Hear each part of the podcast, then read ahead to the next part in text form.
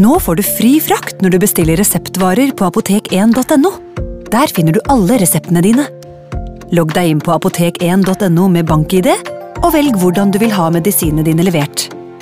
Du kan også kjøpe andre varer samtidig og få fri frakt på hele handlekurven på apotek1.no. Apotek1 vår kunnskap, din trygghet. Du hører serieovergriperen Julio Kopseng fra Svarttrost. Dette er den femte og siste episoden, og det er Lina Alsaker som forteller historien.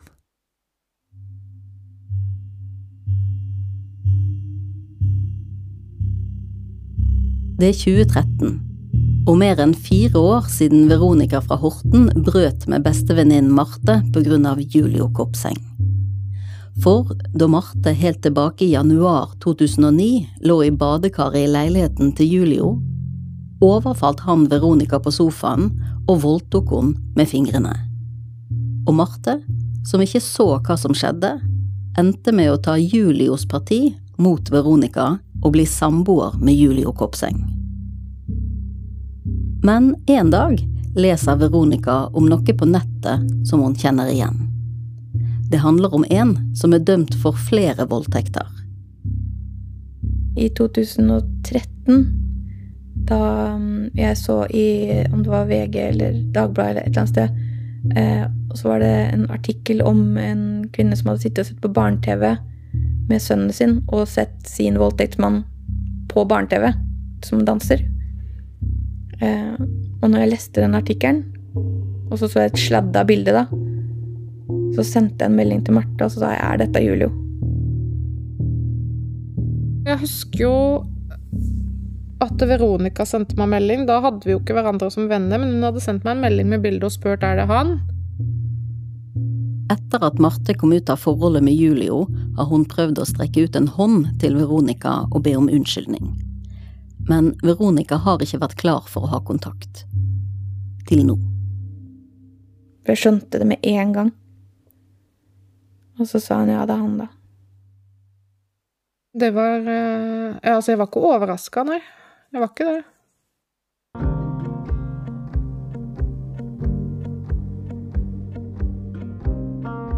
Hittil har ikke Veronica vurdert å anmelde overgrepet.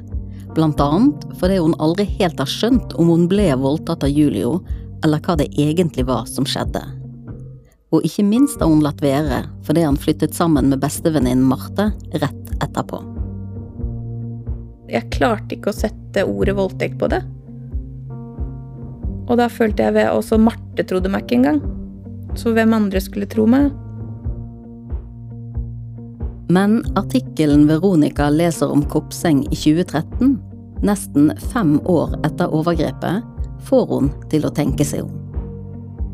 For det sto i den artikkelen at eh, eh, hvis man har informasjon eller har vært utsatt for noe lignende, så kontakt hjelp og sånne ting. Så begynte jeg å tenke på det, at det kanskje jeg bare burde si fra min opplevelse, da. Til den advokaten som sto i den artikkelen, og det var Trine Rjukan. Hun har fortalt til venner om overgrepet, men det er først når hun snakker med bistandsadvokat Rjukan at Veronica forstår hva det var Kopseng utsatte hun for. Hvor hun sa det at eh, selv om han brukte fingra sine Det er jo samme om noen bruker fingre, gjenstand eller penis. Det er fortsatt under loven ansett som en voldtekt.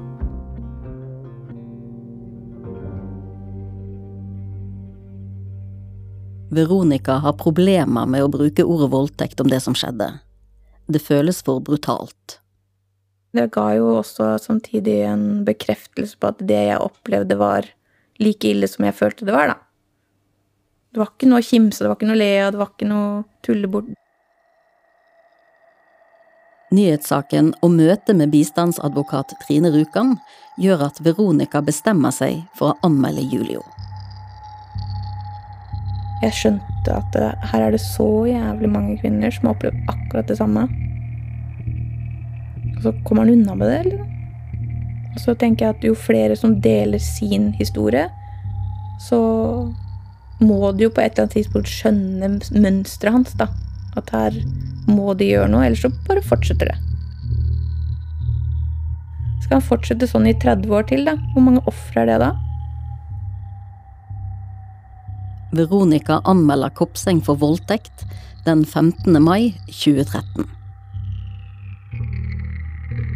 Bare få dager etter at Veronica anmelder, leser Merete, en tidligere venninne av Julio, om den britiske kvinnen som trodde hun skulle på gratis sofasurfing.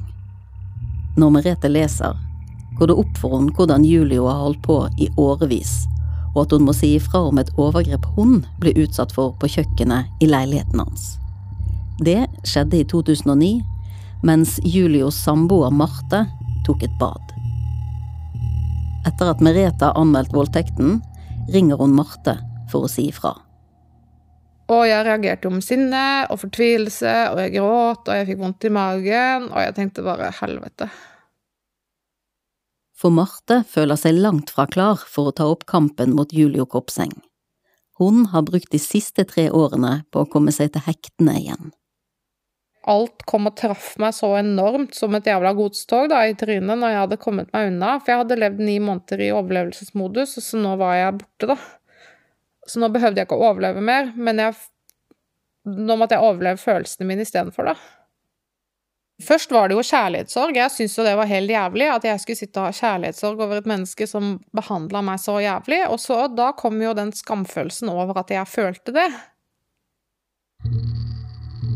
Og så begynte jeg jo å skamme meg over alt det som hadde skjedd, fordi at i de ni månedene så hadde jeg blitt fortalt hvor verdiløs jeg var, hvor elendig menneske jeg var, hvor syk i hodet jeg var, hvor drama queen jeg var, hvor stygg jeg var, hvor jævlig jeg var, hvor alt var min feil. Så nå da så satt jeg aleine og følte det samme.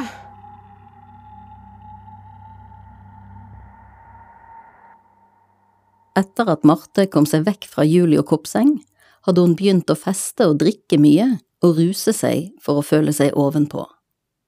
Det har passet hun bra å være på nachspiel til klokken to om ettermiddagen, for hun har stort sett ligget våken om nettene. Kompisen Thomas har stilt opp og har sittet mye hos henne. Men etter noen måneder med hard festing har det gått opp for Marte at hun ikke kan fortsette sånn. Hun kutter kontakten med alle i miljøet, unntatt Thomas, og begynner å bearbeide traumene.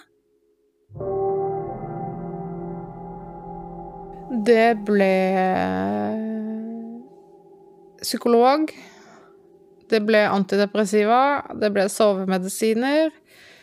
Det ble samtaleterapi. Og jævla mange tunge dager.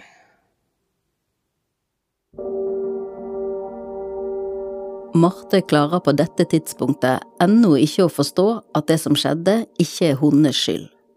Hun har følt seg ekkel og forferdelig. Og nå, i 2013, snart fire år etter at hun flyktet fra Julio, har Marte akkurat fått stablet livet sitt på beina. Hun er i et godt forhold med David, som hun har startet en kakebutikk med på Sankthanshaugen i Oslo, og det går ganske bra. At Julio igjen skal fylle livet til Marte, er det siste hun vil. For sjøl om Martha har hemmelig nummer, har Julio gjentatte ganger prøvd å spore henne opp. Julio har ringt til kakebutikken, men har blitt avvist av David. Så etter så mange år så prøvde han fortsatt å finne meg, da. Men Marte skjønner at denne gangen så er det ikke Julio som skal jakte på hun. Det er hun som skal ta han ved å stå opp for seg sjøl. Etter at jeg hadde fått samla meg litt, så skjønte jeg jo at ok, nå er det på tide at jeg skal anmelde. Jeg må anmelde. For min egen del, og for alle andre. Fordi at eh, jeg unner virkelig ikke min verste fiende å oppleve det jeg har opplevd. Og da satte jeg meg ned en kveld etter å ha vært på jobb og sendte en mail til Trine Rjukan. Eller jeg formulerte en mail, og så brukte jeg litt tid på å sende den. det hadde jo både jeg og politiet ventet på. At hun skulle melde seg på. Eh, og hun tok heldigvis endelig mot til seg. Møtet med Marte gjør inntrykk på Trine Rjukan. Jeg vet at hun var svært redd. Og hun var jo i en, i en dårlig forfatning i den forstand at hun fortsatt var sterkt preget av overgrepene. Hun fortalte meg om de verste episodene med han, og det Det var iallfall noe som, som ikke jeg glemmer. Etter samtalen drar de to sammen til politihuset på Grønland. Marte stiller krav om å få voldsalarm og besøksforbud, men får vite at det trenger hun ikke, for Kopseng er nettopp blitt varetektsfengslet og kommer ikke ut med det første. Avhøret på politihuset tar flere timer. Det kjentes ut som 60 kilo løfta av skuldrene mine. Jeg var full av adrenalin. Jeg gikk fra Grønland og helt opp til uh, Sandershaugen. Jeg var uh, Jeg kjente på så enormt stor lettelse, for det var første gang jeg fysisk klarte å spytte ut alt jeg hadde opplevd da, i det avhøret.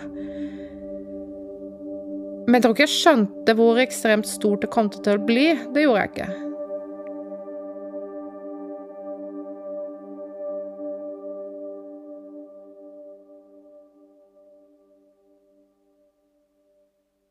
Det er snart ti år siden Hanna første gang prøvde å anmelde voldtekten på guttedoen på Burger King.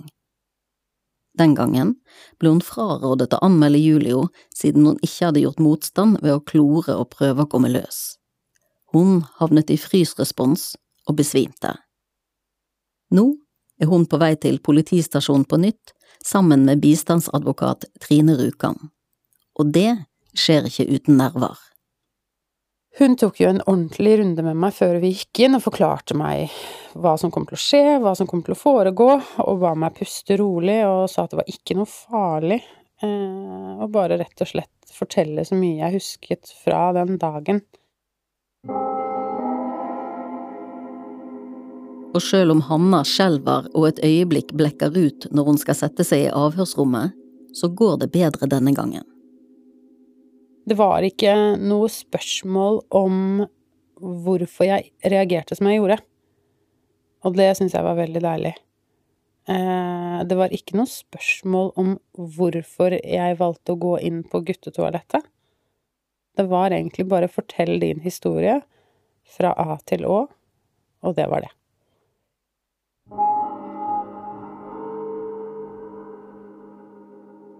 I kjølvannet av rettssaken mot Julio Kopseng kommer det til sammen inn elleve nye voldtektsanmeldelser. En av de som etterforsker disse anmeldelsene, er etterforskningsleder Andreas Strand.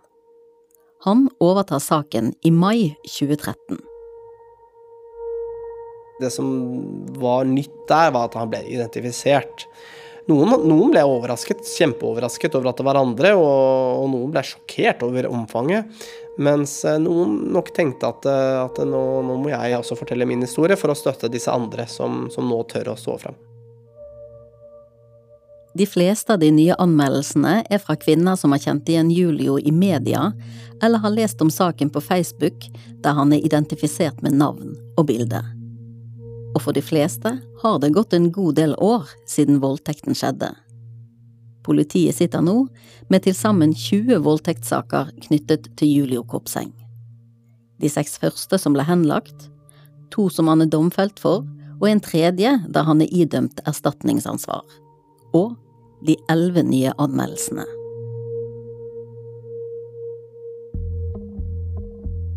Siden identiteten til Julio Kopseng er blitt delt på nettet, må politiet være kritiske når de etterforsker de nye forholdene. Andreas Strand sier at de må være ekstra oppmerksom på eventuelle oppkonstruerte forklaringer. Når man får så mange anmeldelser mot samme person, eh, og med likeartet eh, modus, så, så må man være veldig, veldig hard og, og grundig eh, når det gjelder å utrede alternative hypoteser og forklaringer. Men politiet forkaster ikke hypotesen om at Kopseng er en serieovergriper. Det fins jo personer rundt omkring i verden som har begått overgrep i det omfanget som vi snakker om her. Sånn at eh, man veit jo at det fins serieovergripere.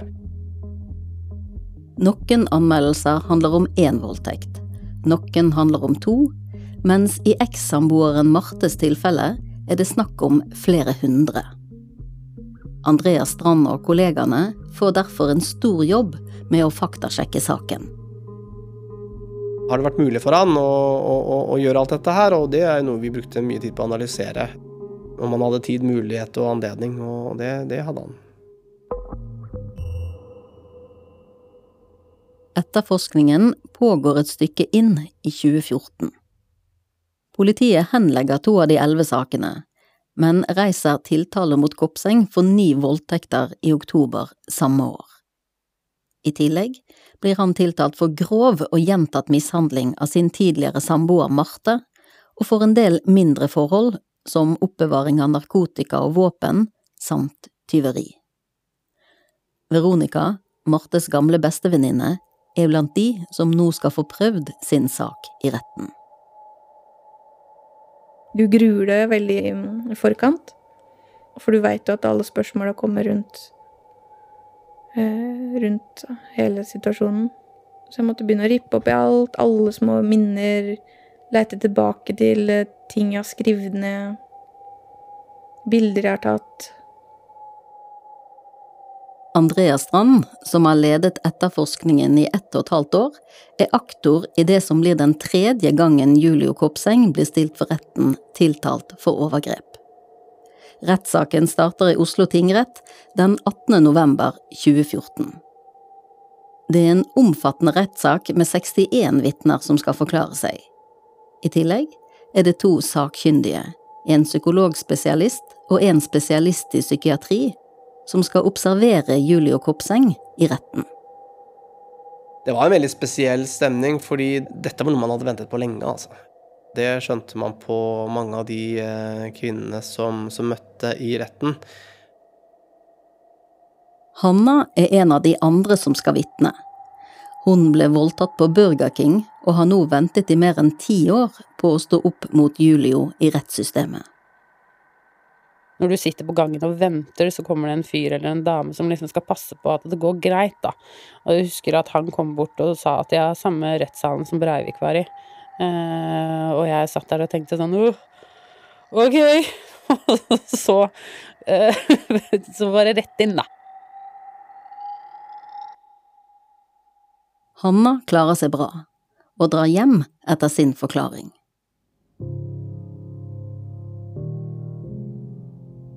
og gjennom de fem ukene som rettssaken varer, blir sak for sak gått igjennom. Den fornærmede forklarer seg først. Etterpå er det Julio Kopsengs tur til å forklare seg, og den eller de fornærmede kan sitte og høre på, eller forlate retten. Aktor Andreas Strand sier at det er mange som velger å ikke høre Kopseng snakke de opplever det nok som ganske krenkende, og syns nok det var, eh, var, krevende å følge hans forklaring, altså. Det gjorde de nok. Bortsett fra tiltalen på oppbevaring av 1,7 gram hasj og 5 gram marihuana, kjenner Julio Kopseng seg ikke skyldig i noen av tiltalepunktene. Tvert imot hevder han at han har blitt anmeldt fordi han er kjent, og at medieomtalen av dommen mot ham har fått flere til å levere falske anmeldelser blant annet ut fra et hevn- og eller pengemotiv. Kopseng mener òg at de fornærmede har kjennskap til hverandre, og at han dermed er utsatt for et komplott eller konspirasjon. Alle de fornærmede i saken har tidligere vært utsatt for seksuelle overgrep og eller vold. Kopseng har dermed før rettssaken pekt på muligheten for at han, som en kjent person, blir gjort til syndebukk for tidligere overgrep. Hans forklaringer gikk jo gjennomgående ut på at det ikke hadde skjedd overgrep. At det, det var eh, enten at kvinnene hadde vært med på det, eller at, at de ville ha, ha, sex med han, eller at det overhodet ikke hadde vært noe samkvem med dem i det hele tatt. Andreas Strand merker at Julio Kopseng har et tydelig behov for å reagere mot nærmest alt han mener er en anklage mot ham. For eksempel så var jo ikke blokka han bodde i rød, selv om man kunne gå på Google Earth og se at blokka var rød. Det var jo et eksempel på at han nok noen ganger ble veldig innbitt i å motsi de fornærmede. Ikke engang i løpet av de langdryge ukene i retten innrømmer Kopseng feil eller ber om unnskyldning. Ikke på noe vesentlig punkt. Ikke på noe som har betydning for de fornærmede. Thomas, Julios tidligere sjåfør og kamerat, har òg bestemt seg for å vitne i retten om det han vet. Han ser ikke lenger en annen vei når Julio prøver å markere seg. Og da satt jeg og så på han, og han satt og så på meg rett i øya og stirra. Vi hadde bare sånn vi, vi, kommuniserte på den måten der. Og jeg måtte sitte der og sånn Du er så dum, liksom. Og smile og bare riste på hodet. Og han bare satt og så. Og du så hatet i hele han. Og det sa jeg til med en av de som satt der som, eh, og hadde over saken, at han hadde aldri sett så hat i øynene til noen på én person. For når jeg kom inn, og navnet mitt ble satt, så skifta han helt. Utspørringen av Thomas varer og varer, men han holder på sitt til fordel for Julios tidligere samboer Marte og de andre kvinnene som har anmeldt Julio. De prøvde å finne på så mye dumme unnskyldninger, så mye greier, for å få meg til å høres dum ut. For han begynte å prate med dem, og de hvisket og tisket og de skrev lapper, og det var en stor greie der. Men han så på meg og prøvde å tynge meg ned, og jeg satt der og bare glisa.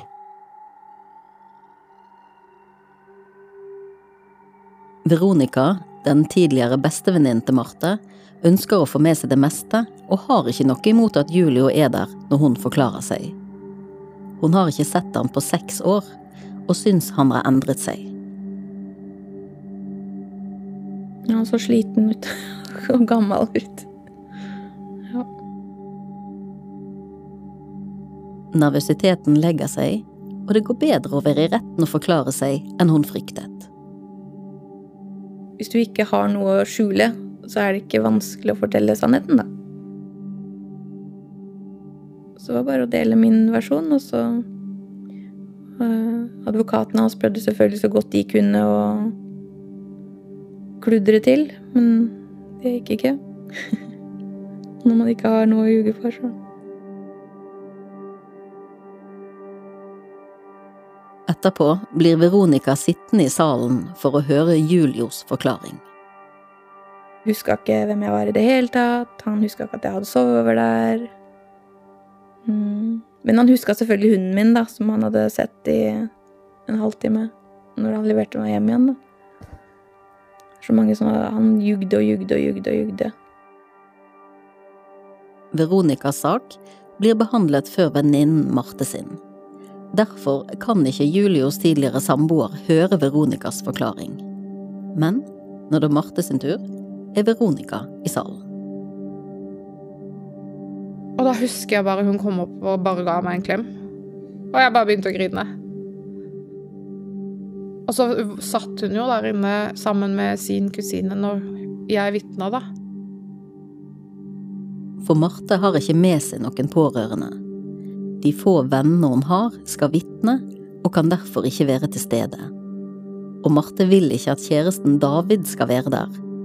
For da vil hun ikke klare å fortelle fritt om det hun har blitt utsatt for. Veronica har bare rukket å ha en kort prat med Marte i forkant. Så jeg visste jo i grove trekk da, hva hun hadde opplevd. Men det verste var hvordan advokaten hans fikk lov til å oppføre seg overfor henne. Det glemmer ikke Marte heller. Hva hadde du på deg? Hva slags type sex liker du? Hva Er du hissig? Nei, de var uh, slemme, vil jeg si, da. De skyldte veldig Jeg følte at de skyldte veldig på henne for hennes opplevelse. På en måte, hvorfor, hvorfor dro du ikke, da? Hvorfor gikk du ikke første gang? Hvorfor fant du deg i det? Hvorfor valgte du å bli?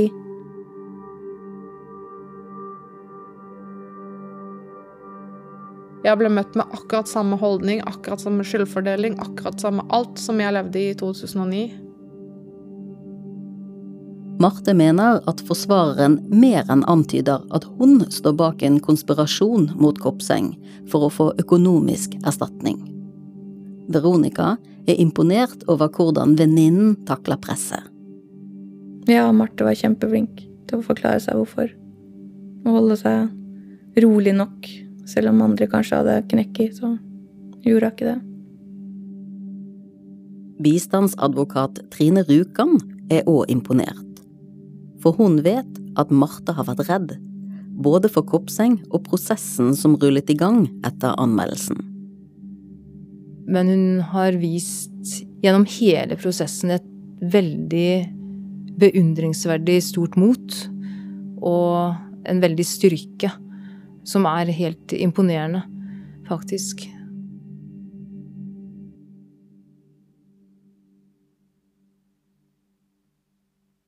Podkasten er sponsa av Gjensidige. Det blir veldig kjedelig hvis vi alle A4 går i dress og eh, har utdanning fra Universitetet i Oslo. Eh, at vi alle går i de samme tankene og ikke klarer å tenke nytt. Du hører Aron Amundsen. Han er 30 år og har jobba med datasikkerhet Gjensidige siden 2019. Når jeg søkte på jobb hos Gjensidige, så skrev jeg i søknaden at jeg er transmann. For å eie min egen historie eh, og gjøre det til min sak. Og da kunne det stå tryggere i meg sjøl eh, og den jeg er. Selv om det var ganske skummelt når jeg først sendte den av gårde og ikke hadde forsøkt det der før. Og det ble anerkjent som en sånn kul greie, og så gikk vi over til neste punkt som var en veldig sånn deilig mottagelse. Og liksom Det var ikke en greie. Det, det, var hva jeg kunne og hvem jeg var, som var viktig. I tillegg til å trygge gjensidiges verdier, personopplysninger og motstå potensielle hackerangrep, bidrar Aron i mangfoldsarbeidet i bedrifter.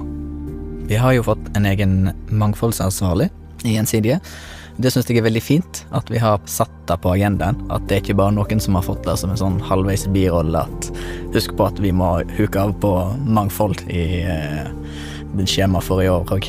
Og det gir på en måte en trygghet. Eh, jo gjensidige så er det vel sagt at alt som gjør oss ulik, er det som er mangfold. Du setter ikke noen grenser. Du skaper bare muligheter. Både for de som er der, og de som vurderer Gjensidige som en arbeidsplass, og ikke minst de som vurderer Gjensidige som en leverandør av et produkt. Det viser at vi har tenkt tanken og vært tydelige på at her er alle velkommen. Gjensidige har sikra liv, helse og verdier i over 200 år. Vil du bli en av oss? Sjekk ut gjensidige.no jobb. Før du hører videre, så vil jeg tipse deg om en annen serie som du finner her i Svarttrost Dukk.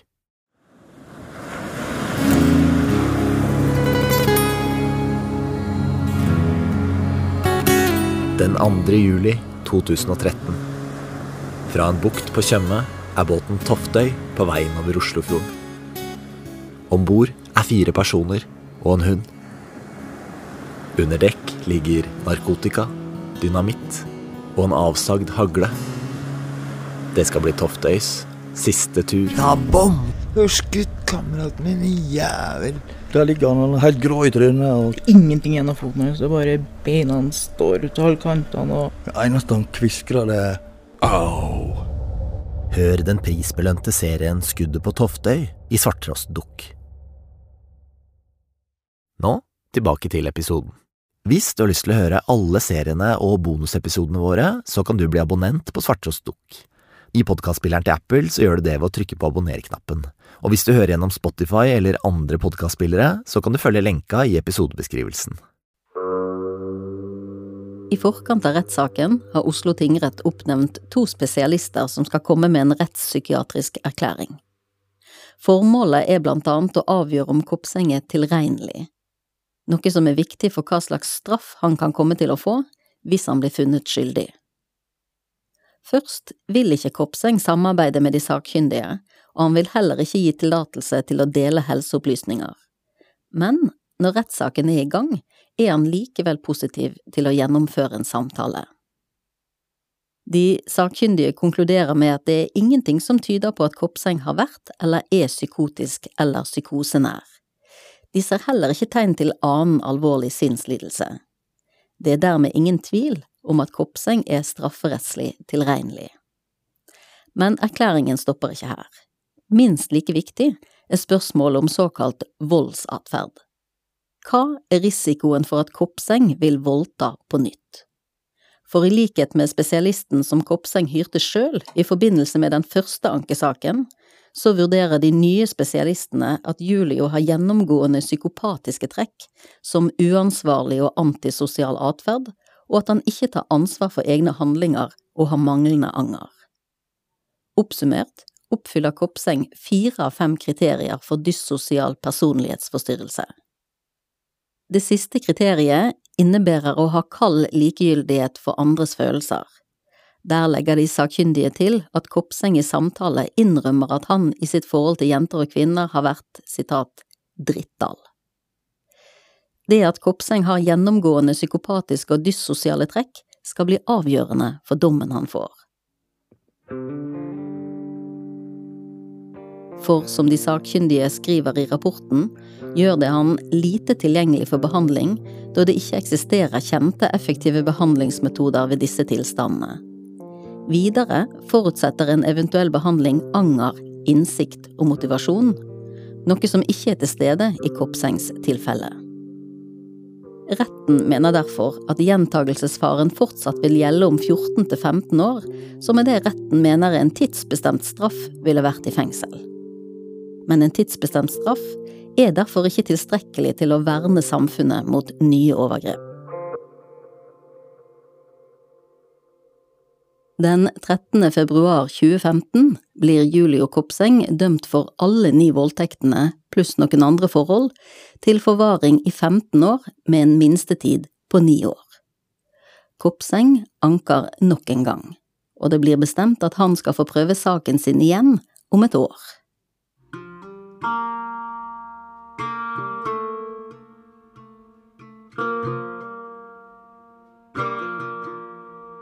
Men saken skal snart bli større. For i løpet av den store rettssaken i tingretten så har alle riksavisene, anført av Nettavisen, skrevet om Julio Kopseng med fullt navn og bilde. Ninja, som var 15 da hun ble voldtatt av Julio for snart 14 år siden, ser at det kommer mer og mer detaljer om saken i media. Og det var litt som en bilulykke, man klarer ikke å ikke se. Eh, men det satte meg ut allikevel. Det er ikke første gang Ninja hører om Kopseng etter overgrepet i 2001. Det gjorde hun litt tilfeldig i 2013. Ninja skulle støtte en venninne i en rettssak, og i pausen sitter Ninja, venninnen og noen andre og snakker om vold mot kvinner. Da sier en av de andre at de har en på jobben som nå har blitt tatt, og sitter inne for flere voldtekter så sier hun navnet hans. Det var Julio Kopseng. Jeg har da ikke visst noe om hva som har skjedd med han disse årene. Jeg vet ikke hvor han er, jeg vet ingenting. Jeg har prøvd alt i min makt til å som sagt, slette dette fra minnet. Og hører navnet hans høyt ut i den sammenhengen. Og tenker bare faen, det er jo han. Det er helt jævlig å få da også den bekreftelsen på en del av det marerittet mitt at han har gjort dette mot andre. Ninja sier ikke noe. Hun er jo der som støtte for venninnen, og de går tilbake til rettssalen. Men hun må snart løpe ut igjen og inn på do. Og bare kaster opp. Og begynner å gråte. Og tenker bare og ser meg i speilet og bare tenker faen igjen. Helvete. Nå må jeg deale med det, fordi det er ikke bare meg lenger. Men i 2013 er ikke Ninja i stand til å anmelde av sykdom. Men hun får hjelp, begynner hos psykolog, og når hun to år seinere leser om tiltalen på de ni nye voldtektene, er hun klar. Og hun er ikke den eneste. For åtte andre kvinner anmelder òg Julio. Mange av disse har, som Ninja, båret på voldtekten lenge.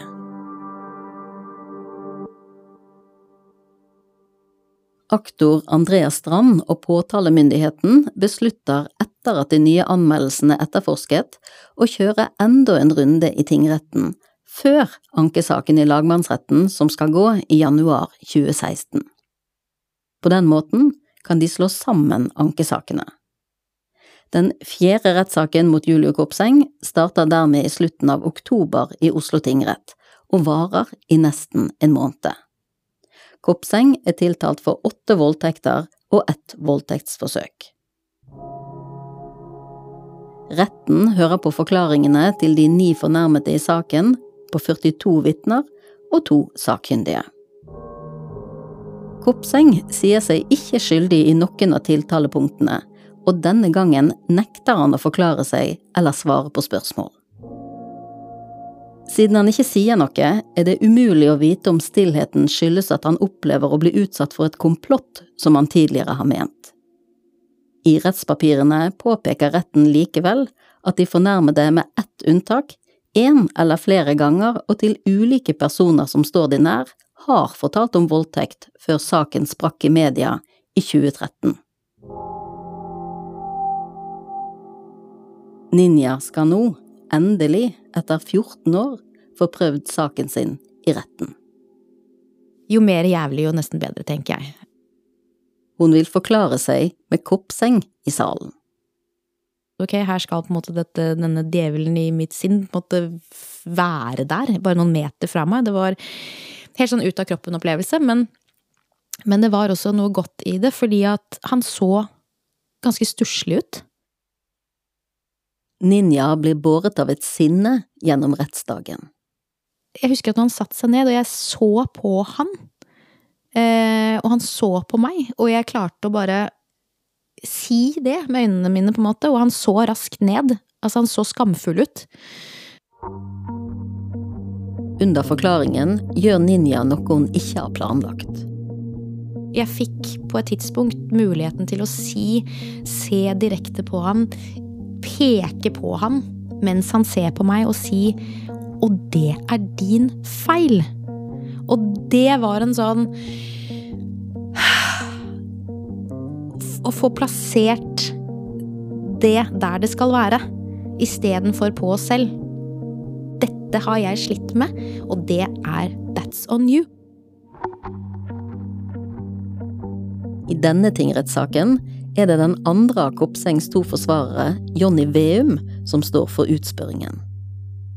De brukte hersketeknikker hvor de ba om svar, og så for eksempel så når du svarer så mm, ja, ja vel, ja da, mm -hmm, mm -hmm, altså oppå det du svarer for å sette deg ut. Um, og det andre var jo det at han var nedlatende i forhold til hva man svarte. Veum er spesielt opptatt av hvordan Ninja har gått frem for å huske det som skjedde for 14 år siden, som hun tross alt så iherdig har prøvd å glemme. Ja, hvordan er det du egentlig tenker at du kan komme fram til minner som du ikke… Bare nei, da må man jo grave og se, da. I en logg av denne utspørringen som vi har fått tilgang til, står det at forsvarsadvokat Veum spør Ninja. Er dette ting som du husker når det har skjedd, eller er det ting som kom frem etter du har lest om saken, eller hva er det? Ninja svarer at det er vanskelig å si, at det er noe hun følte der og da, at hun har prøvd å ikke tenke på saken i mange år og fortrenge den, altså er det ting som hun har kjent på som hun nå har tatt opp igjen og gravd i og gått inn i. Veum avbryter hun med et ja, det er akkurat dette, du har sagt det flere ganger her nå, du har gravd i ting for å finne ut av hva som egentlig skjedde. Har ikke du da konstruert store deler av forklaringen din? Har du noe fornuftig å si her i retten? Jeg husker dommeren også, hvor de på en måte må stoppe han, og jeg husker at hele, liksom, flere ganger hvor hele salen gispet. Både dommer og, og advokater og alt sånt. Bare 'hallo, nei, nei, nei, du kan ikke si sånn'.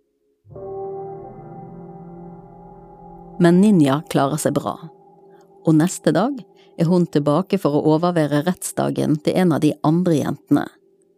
Det er bistandsadvokaten hennes, Lill Vassbotn, som har rådet Ninja til å gjøre det hvis hun orker for samholdets del og for å oppleve at hun ikke er aleine.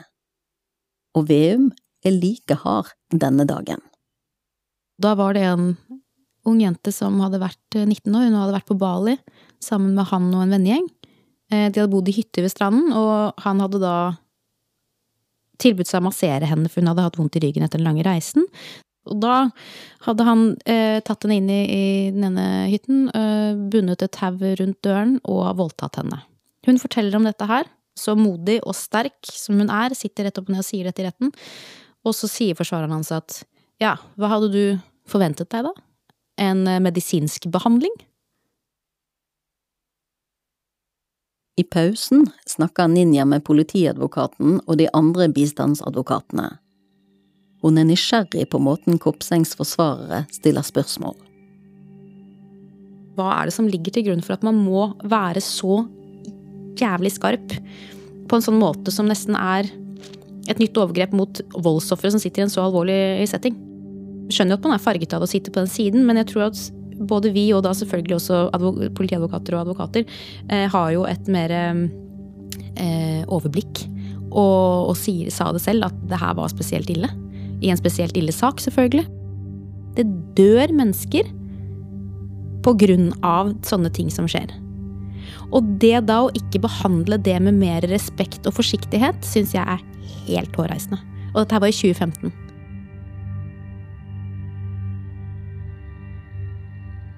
Den 18. desember 2015 blir Julio Kopseng dømt for seks voldtekter og ett voldtektsforsøk.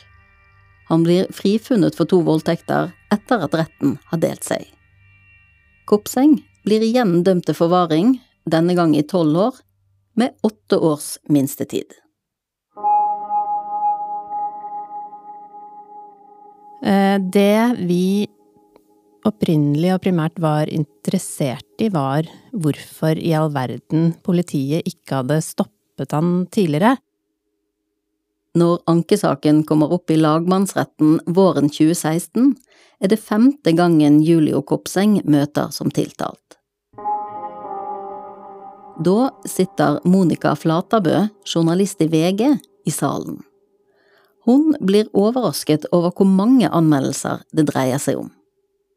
Og eh, det var jo anmeldelser fra ulike kvinner, ulike steder i landet. Eh, disse, mange av disse kjente jo ikke til hverandre, og de kunne oppgi navnet hans. Så det ble vi veldig nysgjerrige på, da. Hvordan var det mulig at han kunne fortsette så lenge? Andrea Strand er nok en gang aktor i saken. Jeg kan jo se på, se på akkurat når, når, den saken gikk. Eh, for det var ganske lenge. Skal vi se Ja, ankeforhandlingen ble holdt eh, fra 19.1 til 14.4.2016. Over 44 rettsdager. Så det var jo mye, mye bevisførsel. Hver morgen når Monica Flatabø kommer for å sette seg i rettssalen, går hun forbi kvinnene som har anmeldt Julio Kopseng for overgrep husker særlig én som hun skalv så fælt at jeg, selv om jeg ikke egentlig så ordentlig på henne, så så jeg henne i øyekroken, og jeg kunne på en måte se at beina skalv idet jeg runda hjørnet og gikk inn i salen. Det blir 44 nye slitsomme dager i retten når tilhørerne sitter og følger med på den ene forklaringen etter den andre om detaljerte overgrep Julio Kopseng er anmeldt for. Og innimellom så tenkte jeg at dette her tar jo på en måte ingen ende. Monica Flatabø syns det er merkelig at det er så lite folk til stede å høre på. Altså, dette var jo en historisk rettssak, men det var veldig få som fulgte den. Det var eh, et par journalister litt til og fra, og så var det noen pårørende. De første ukene ser hun at Julio Kopseng halter når han kommer inn i retten. En av forsvarerne hans forteller at Julio har blitt banket opp i fengselet. Han hadde med seg et par permer som var fulle av dokumenter, som han eh, fulgte veldig nøye med på, og han noterte også da kvinnene forklarte seg. Han hadde med, jeg husker, en sånn blå sånn markeringspenn. Um, innimellom så så han veldig sånn forskrekka ut da noen av kvinnene forklarte seg, akkurat som dette var noe som han Han kjente seg ikke igjen i. Det var eh, helt ukjent for han. Det var liksom sånn jeg tolket det. Etter hvert som ukene gikk, så ble han eh, litt mindre aktiv. Eh, han noterte mindre. Han Etter hvert så hadde han heller ikke med seg disse permene. Og han ble mer inn, Lukket seg mer inne. Ble stillere.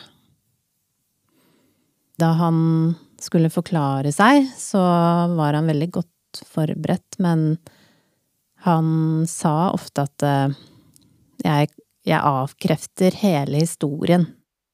Det var en setning som gikk igjen og igjen.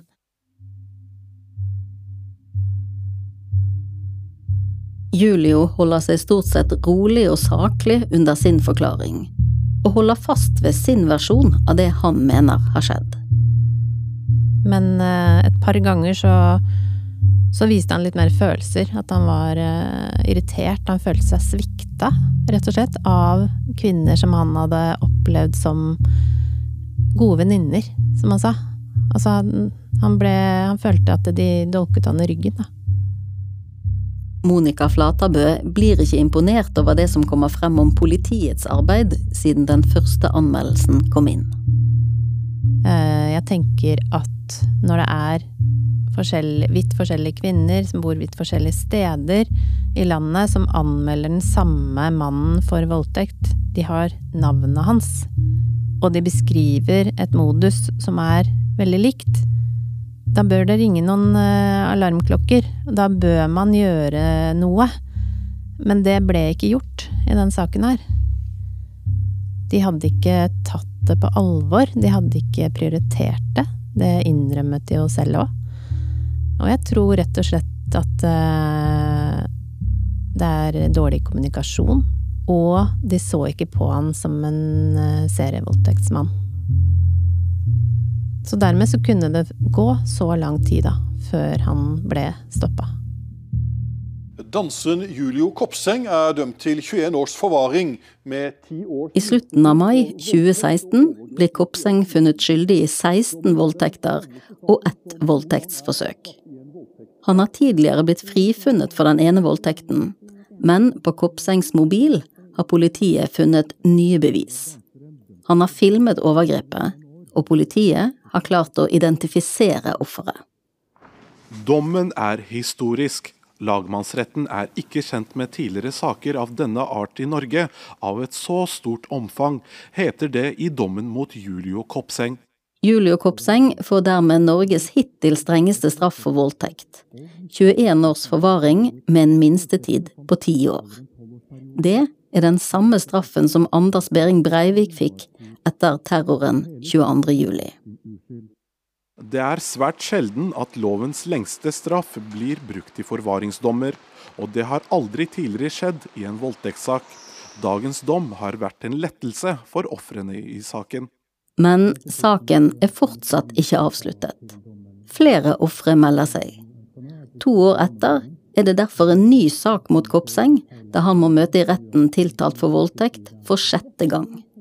Der blir han dømt for to nye voldtekter.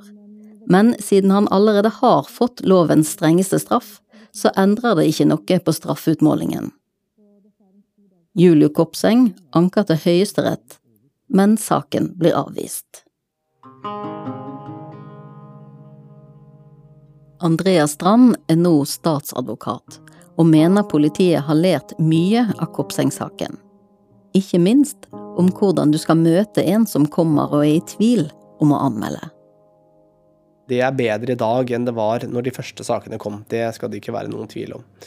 Og så tror jeg nok mange av de rådene som er gitt, nok er gitt i beste mening, men, eh, men hvor, har, hvor, det har blitt litt gærent. Eh, og hvor resultatet har blitt at vedkommende ikke har følt seg trodd. Strand mener òg at politiet er blitt flinkere til å motta forklaring fra de som kommer og vil melde fra om overgrep, sånn at de ikke drar forhastede konklusjoner. Man vurderer ikke like mye i hvert fall ikke utad, underveis, eh, som man kanskje gjorde før. Nå, få, nå, er man flink til å få frem en fri og uhildet eh, forklaring fra den som møter, og stiller på en måte åpne oppfølgingsspørsmål og får belyst forklaringen best mulig. Andreas Strand har ikke sett på sakspapirene i Kopseng-universet på mange år, men i forbindelse med denne dokumentarserien har han lest seg opp. Når jeg leser konsekvensene øh, disse handlingene har hatt for alle disse jentene, så, så, slår det meg at man snakker om en Altså en sum av menneskelig lidelse som er helt enorm. Uh, og som som uh, ja, som gjør dette til en ekstremt alvorlig sak.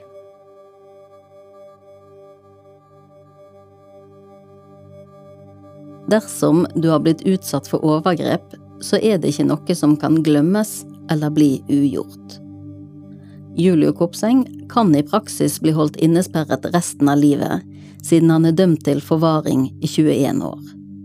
Samtidig så har forvaringsdommen en minstetid på ti år som har gått ut.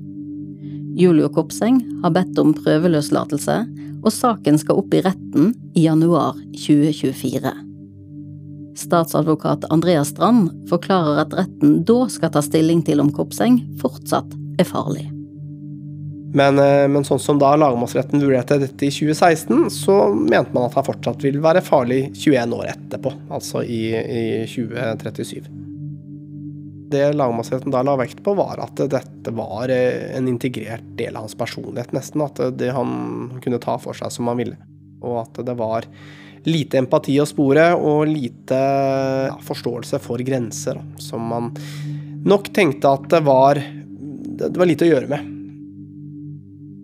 Bistandsadvokat Trine Rjukan vet at de hun har hatt som klienter i Kopseng-saken, har strevd mye i etterkant av det som har skjedd. Det krever svært mye å løfte seg opp, egentlig, av hele den prosessen jeg har vært igjennom, da, og faktisk eh, få livene sine eh, på rett kjøl igjen og, og, finne seg selv igjen. Så det krever enormt uh, mye av dem, og de er ofte uh, sterkt preget av det i, i veldig lang tid etterpå.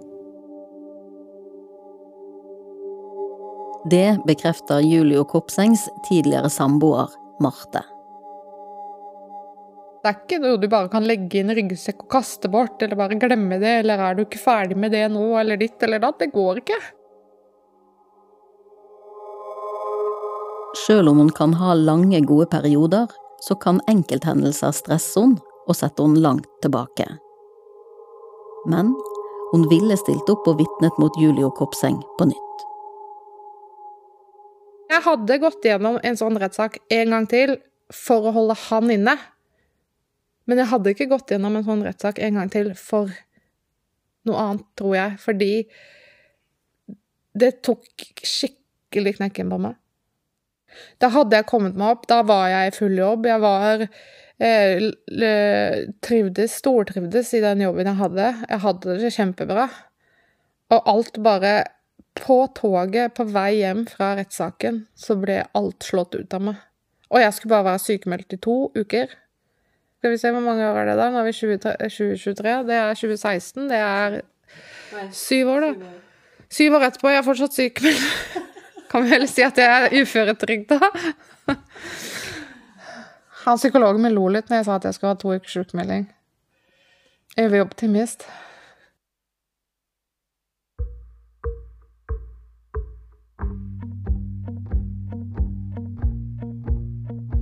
Flesteparten av kvinnene som deltar i denne podkasten, er i dag uføretrygdet, og for mange er de psykiske symptomene òg blitt fysiske. Sånn som for Ninja, som i mange år etter voldtekten prøvde å late som om det ikke hadde skjedd, til kroppen sa stopp i 2010, og hun måtte få hjelp. Men det siste året har Ninja skrevet sanger til et nytt album. En av låtene er Taking Names, som òg kjenningsmelodien til denne podkastserien.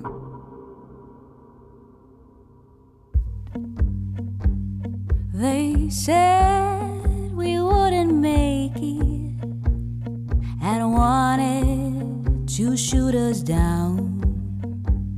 Your shame on our backs like blankets, covering our bodies on the ground. We will rise, we'll rise again. Our spirits know no bounds. You put our hands in chains. We'll rise, we will rise again. Blood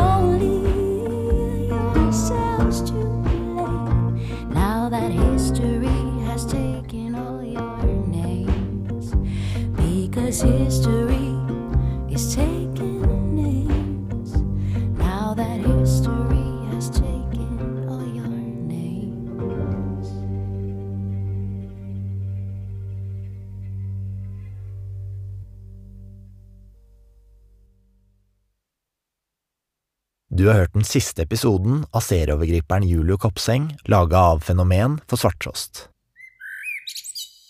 Julio Kopseng har fått gjennomgå alt som kommer fram i denne serien, og ønsker ikke å kommentere. Kopsengs tidligere advokater Jonny Veum og Djordje Borojevic har heller ingen kommentarer til innholdet i denne episoden. De ansvarlige for serien er Line Alsaker og Naya Søtje Thomsen. Klipp og lyddesign ved Hans Kristen Hyrve, grovklipp ved Heidi Mo. Kjenningsmelodien er laga og fremført av Ninja Krystad, som også medvirker i serien. Musikkopptak og miks av låta er ved Nils Vingerei. Originalmusikken til serien er produsert og komponert av Henrik Sveen. Konsulent har vært Kristin Vesterheim.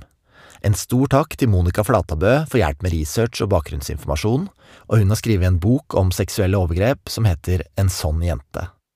De som vi har kalt Hanna og Jenny i serien, heter egentlig noe annet. Arkivklipp er henta fra TV 2 og NRK. Ansvarlig redaktør i Svarttrost er Kari Hesthamar, og hvis du har vært utsatt for overgrep, så kan du ringe hjelpetelefonen for seksuelt misbrukte på telefonnummer 800 57 000. Tjenesten er døgnbemanna og gratis. Har du et enkeltpersonforetak eller en liten bedrift? Da tenker du kanskje at regnskapet bør være så enkelt som mulig? Vi i Fiken syns også det. Derfor har vi laget regnskapsprogrammet som scorer best på brukervennlighet. Det viser en undersøkelse gjort av Opinion blant små bedrifter. Gjør som over 70 000 andre, ta regnskapet selv med Fiken. Prøv gratis på fiken.no.